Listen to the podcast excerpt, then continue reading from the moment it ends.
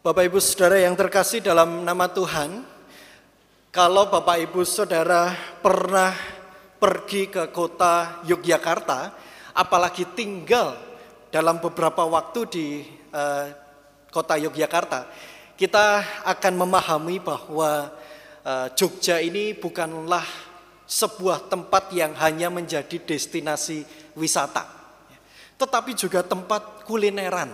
Kalau orang-orang yang hobi kulineran, saudara-saudara, wah pasti senang pergi ke Jogja. Makanannya banyak, saudara-saudara. Ya. Jadi kalau uh, berangkatnya kurus, wah pulangnya pasti naik berapa kilo kalau kulineran di kota Jogja. Dan uh, sama seperti demikian, saudara-saudara, ketika kami masih uh, menjalani kuliah di kota Jogja, waktu itu ada sebuah tempat makanan favorit kami, salah satu ya, salah satu tempat makanan uh, favorit kami, yaitu saat itu uh, ada satu tempat di sana yang menjual nasi goreng babi ya, di daerah Progo di Jogja. Nah, kalau Bapak Ibu Saudara datangnya malam, silahkan datang ke sana saudara-saudara. Ya. ya, apalagi yang pecinta B2, wah jos gitu ya. Uh, apa yang menarik saudara-saudara dari uh, tempat makan ini, selain karena harganya yang murah, tempatnya juga bersahabat begitu ya dengan uh, jalanan Jogja. Jadi Eh, tempatnya tidak di dalam, saudara-saudara, di pinggir jalan. Gitu ya. Panjang sekali, tikernya itu sampai panjang, saudara-saudara. Ya. Selain itu juga uh, apa ya, rasanya juga berkesan bagi kami. Tetapi ada satu hal, saudara-saudara, yang juga menarik bagi kami waktu itu. Bahwa ketika kami memesan, saudara-saudara kalau uh, tahu nasi goreng progo ini yang memesan itu bukan hanya di bawah 10 saudara-saudara dalam satu waktu itu gojek segala macam itu ada semua dibawa pulang maupun dimakan di situ itu bisa sampai puluhan saudara-saudara dalam satu waktu itu jadi cepat penyajiannya tetapi yang mengherankan saudara-saudara ketika kami memesan makanan itu justru pesanan kami itu tidak pernah dicatat dalam arti saudara-saudara dia atau mereka yang menjual itu makanan nasi goreng babi ini saudara-saudara hanya menghafalkan. Jadi bisa dibayangkan betapa luar biasanya ingatannya dari pelayan ini tadi. Ya, jadi kami hanya bicara atau bilang, eh, pesan apa? Jumbo piro? Nah biasanya begitu. Pakai eh, telur dadar, mata sapi atau enggak apa segala macam, saudara-saudara minumnya apa berapa? Selalu begitu. Dan tahu ini orang, oh ini pasti eh, biasanya di sana, duduknya begitu.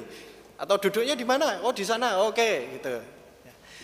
Dan uh, ketika kami saudara-saudara waktu itu pertama kali makan di tempat itu, kami punya anggapan oh pasti mesti ono sing luput iki pesenane.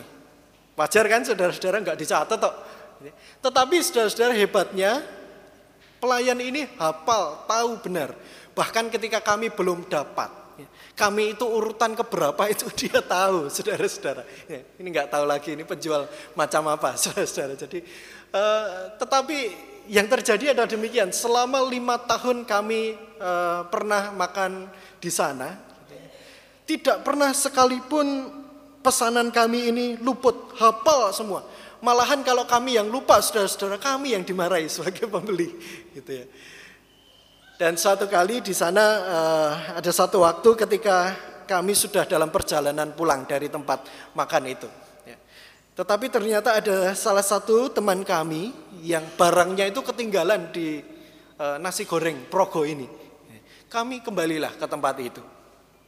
Dan ternyata apa yang kami dapatkan justru kekecewaan saudara-saudara karena uh, justru Sang penjual itu mengatakan hal yang sebaliknya. Sang pelayan ini justru lupa kami tadi itu duduk di mana. Aneh ya, pesanan segitu banyak, tetapi hanya perkara duduk saja padahal sudah dilayani. Itu lupa, saudara-saudara.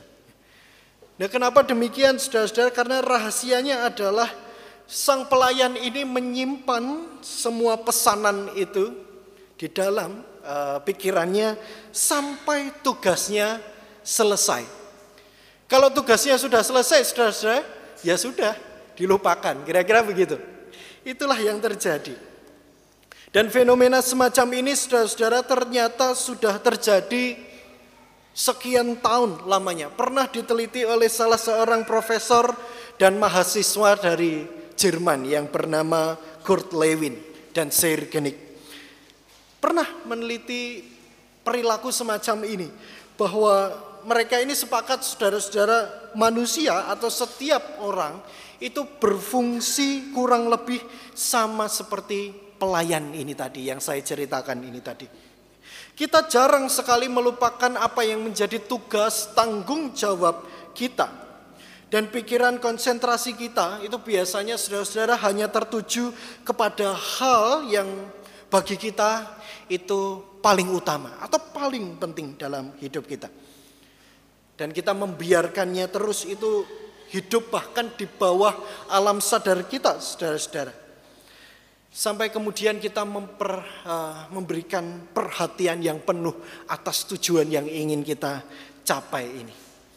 Sehingga saudara-saudara apa yang terjadi? Yang terjadi adalah justru pada umumnya setiap dari kita, manusia-manusia ini betapapun sempurnanya kita, pada umumnya kita tidak bisa bekerja secara multitasking. Multitasking itu gimana saudara-saudara? Semuanya itu berjalan simultan gitu ya. Jadi kita mengerjakan berkonsentrasi kepada beberapa minat atau proyek pada waktu yang bersamaan. Kita sebenarnya tidak sepenuhnya bisa untuk melakukan itu. Betapapun hebatnya kita saudara-saudara biasanya ketika kita fokus kepada satu masalah yang lain itu agak dilupakan. Kurang mendapat perhatian serius dan bahkan diabaikan sama sekali. Karena fokus ini saudara-saudara terhadap satu masalah ini biasanya akan membuat kita cenderung mengerjakan dan menangani persoalan ini dengan serius. Biasanya begitu saudara-saudara. Bapak ibu saudara yang terkasih dalam nama Tuhan jika dalam persoalan sesehari kita, kita membutuhkan fokus yang jelas agar bisa mengerjakan pekerjaan dengan serius. Apalagi dalam urusan mengikut Tuhan. Kalau dalam hal-hal yang duniawi saudara-saudara kita bisa fokus sedemikian rupa, semestinya hal itulah yang juga kita lakukan ketika kita mengikut Tuhan. Dalam bacaan kita saudara-saudara di sana dikisahkan dalam perjalanan Yesus menuju Yerusalem. Yesus ini dengan jelas mengingatkan kepada para murid yang berduyun-duyun datang kepadanya, dan mengingatkan mereka dengan keras. Catatan Lukas, saudara-saudara ini mengisyaratkan bahwa Yesus berjalan menuju Yerusalem itu berarti dia sedang berjalan menuju tujuan akhirnya, penderitaan dan kematiannya. Yesus sendiri sedang fokus terhadap misi Bapa yang harus dikerjakannya sampai pada titik yang akhir. Namun yang terjadi saudara-saudara orang-orang yang berduyun-duyun ini, orang-orang yang katanya mengikut Tuhan ini ternyata tidak menyadari apa yang ditanggung oleh Yesus. Kenapa dia harus pergi ke Yerusalem?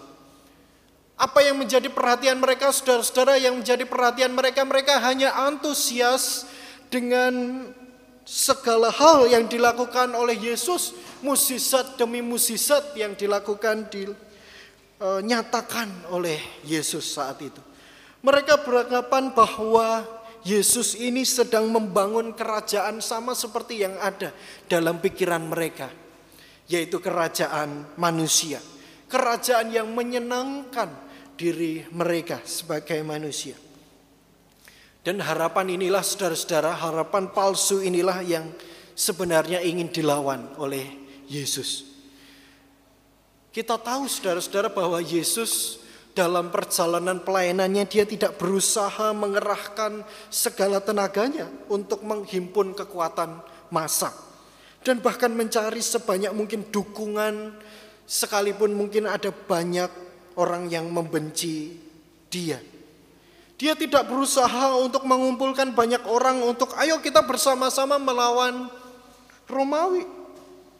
Dan pemuka Yahudi yang mencari kesalahan-kesalahannya. Dia tidak sedang mencari pendukung fanatik untuk mengultuskannya. Sebaliknya saudara-saudara Yesus ini justru menghendaki bahwa mereka yang mau mengikutinya harus tahu persis tugas dan tanggung jawab yang harus dikerjakan. Dan bahkan mereka yang mengikut berduyun-duyun ini, saudara-saudara Yesus mengatakan berulang kali, engkau harus tahu segala resiko ketika engkau mengikut aku. Yesus menghendaki kebulatan tekad yang terjadi di dalam hatinya saudara-saudara. Hal itulah juga yang diharapkan kepada mereka, para muridnya. Yesus mengendaki bahwa mereka yang mengikutinya itu juga bersedia meninggalkan segala sesuatu yang melekat dalam diri mereka. Sebagaimana dia menuju dan fokus menuntaskan pelayanannya di Yerusalem dan bahkan di Golgota. Hal inilah yang diharapkan dari Yesus kepada para pengikutnya. Bahwa kita didorong saudara-saudara untuk mempunyai kebulatan tekad yang sama dengan Yesus. Dalam kerangka inilah saudara-saudara kita sebenarnya dapat memahami apa yang dikatakan oleh Yesus.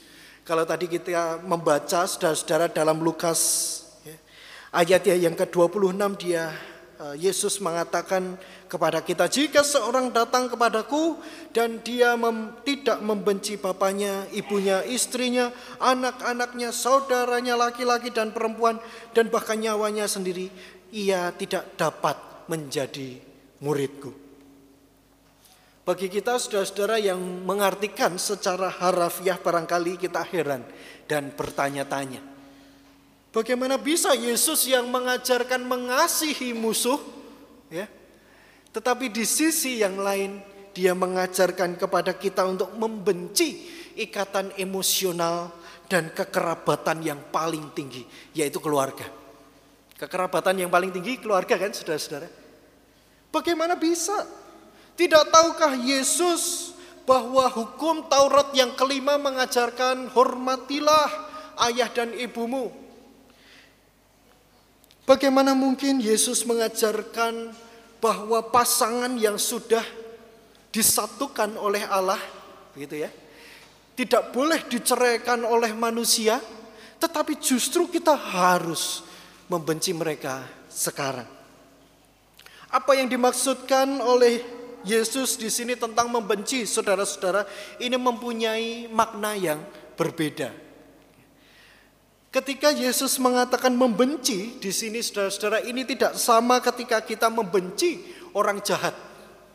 Sama sekali berbeda. Meski ditulis dalam bahasa Yunani, saudara-saudara kita harus mengingat bahwa Yesus mengatakan dalam kisahnya itu sebenarnya tidak terlepas dari konteks yang ia hidupi saat itu. Dalam kata Yunani miseo atau membenci itu tadi, saudara-saudara yang disampaikan oleh Yesus itu sebenarnya dalam bahasa Inggris ingin mengatakan demikian, to loveless or reject something in matter of choice. Dengan demikian saudara-saudara membenci atau miseo yang dikatakan oleh Yesus di sini harus dipahami bahwa orang yang membenci orang tuanya, pasangannya, anak-anaknya, saudara-saudaranya, bahkan nyawanya sendiri demi kerajaan Allah, itu adalah orang-orang yang fokus. Orang-orang yang mengutamakan, mementingkan nilai-nilai ilahi daripada nilai-nilai atau ikatan-ikatan yang berlaku di dunia.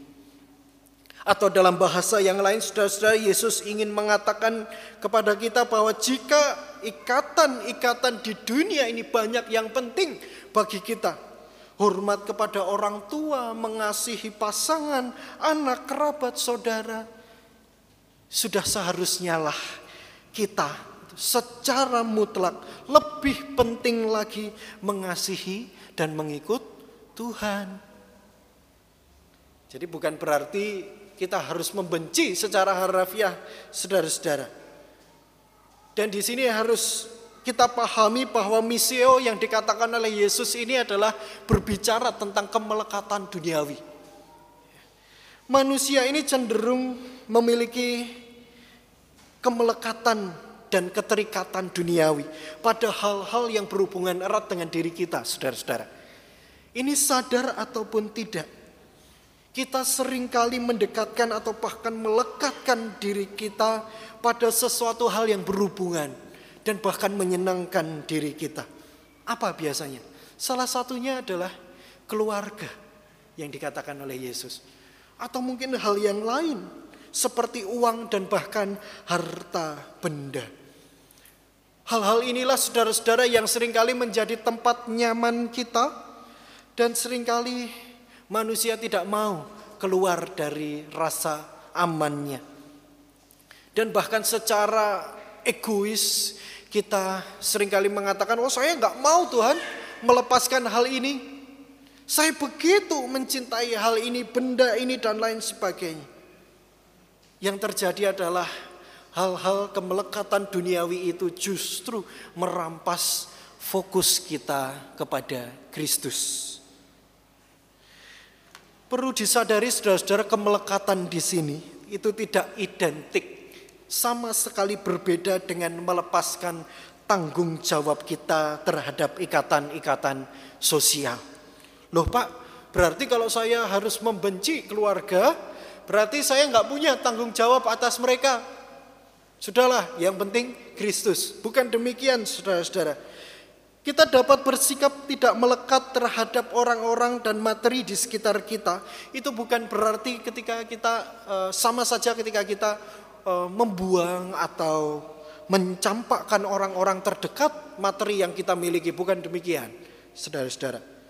Kemelekatan di sini ini dapat diwujudkan atau ketidakmelekatan ini dapat diwujudkan dengan sikap manusia sikap hati yang lapang dada.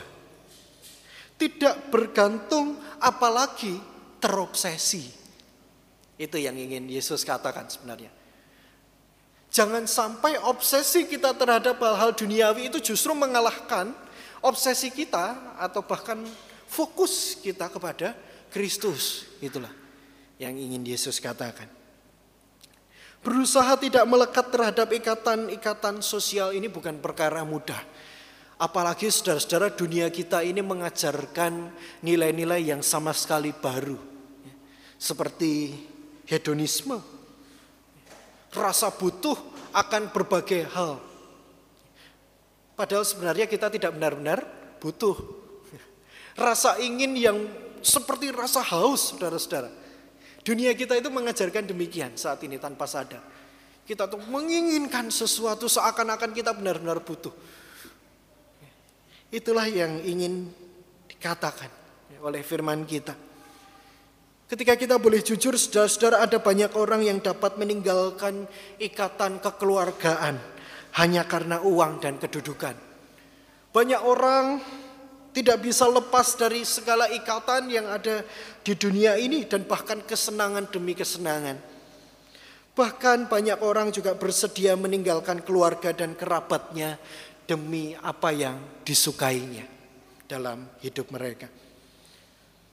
Nah saudara-saudara apabila hal-hal ya, untuk itu saja manusia bisa meninggalkan kekerabatan, sudah seharusnya hal itu terjadi atau lebih serius lagi ketika kita mengikut Tuhan. Kalau saja kita bisa meninggalkan ikatan kekerabatan kita demi kesenangan kita, seharusnya untuk hal yang lebih serius demi kerajaan Allah, mestinya kita semua dapat melakukannya. Ada satu tokoh saudara-saudara yang bernama Ignatius dari Loyola. Eh, tokoh ini pernah mengatakan bahwa kemelekatan dan ketidakmelekatan itu uh, dia gambarkan sebagai cinta yang rohani. Kesalahan utama manusia saudara-saudara terkadang kita itu dengan tanpa sadar memisahkan cinta Allah itu dengan cinta-cinta yang lain. Dan bahkan ketika kita ingin menggambarkan hal itu kita menggambarkannya dengan pola hierarkis Oh, yang paling bawah kita harus cinta dengan saudara-saudara seiman. Atasnya itu siapa lagi yang kita cintai? Oh, kita mencintai saudara-saudara seiman yang juga saudara biologis kita. Lalu keluarga kita, lalu pasangan kita. Oh, yang paling atas adalah Tuhan. Ini jurang saudara-saudara ketika kita menggambarkan cinta itu seperti anggur yang terpisah satu dengan yang lain buahnya. Padahal bukan demikian. Ignatius dari Loyola ini justru menggambarkan bahwa cinta kita kepada Allah itu justru seperti buah pepaya dan biji-bijinya. Biji-biji yang ada di dalam buah pepaya itu saudara-saudara. Jadi ada bagian tertentu.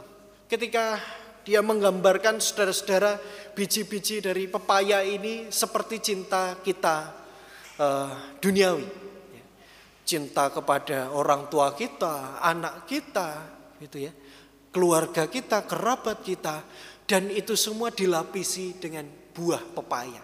Buah pepaya ini apa? Buah pepaya ini adalah gambaran dari cinta kita kepada Kristus. Jadi itu bagian, saudara-saudara. Ketika kita mencintai Kristus, sudah seharusnya lah kita juga mencintai apa yang dipercayakan Tuhan kepada kita. Cinta kita kepada Allah itu membuat segala cinta yang ada di dunia ini menjadi cinta yang relatif. Bukan tidak penting. Relatif itu tidak bukan tidak penting, saudara-saudara. Penting. Ya. Tetapi tidak mengaburkan fokus utama kita yaitu fokus kepada Allah. Sehingga kita tidak diperhamba dengan kemelekatan duniawi. Bapak Ibu Saudara yang terkasih dalam nama Tuhan, hari ini kita bersama-sama diingatkan untuk tidak mudah menaruh banyak fokus dalam benak kita.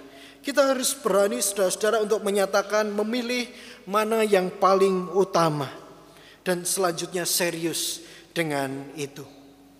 Ketika kita saudara-saudara bersama-sama mengutamakan mengikut Yesus dan serius dengan komitmen yang tinggi melakukan apa yang dikehendakinya, percayalah saudara-saudara bahwa kita akan mencintai hal-hal yang lain. Percayalah ikatan-ikatan kekeluargaan dan kekerabatan kita tidak akan pernah kita benci seumur hidup kita. Sebaliknya kita akan semakin mengasihi dan menyayangi mereka. Mengutamakan fokus kita kepada Kristus dan mengikutinya dengan setia. Dan hal inilah saudara-saudara ini merupakan kunci dari setiap pintu-pintu yang ada dalam rumah kehidupan kita. Dengan mengikut Yesus, saudara dan saya tahu betul bagaimana ketulusan cinta kasih itu dengan kita mengarahkan hati kita hanya kepada Yesus, saudara dan saya mengerti dan mengalami apa yang namanya pengampunan. Mengapa demikian saudara-saudara? Karena dialah firman yang hidup, yang menguasai diri kita, yang tidak hanya mengajarkan dalam Alkitab kita, tetapi juga mencontohkan kepada kita dengan penuh kuasa. Apa yang diperlukan kini saudara-saudara adalah mari kita bersama melepaskan segala ikatan yang menghambat fokus kita kepada Allah. Tuhan memberkati kita sekalian. Amin. Sebuah kesaksian pujian kembali dari Bapak Johan.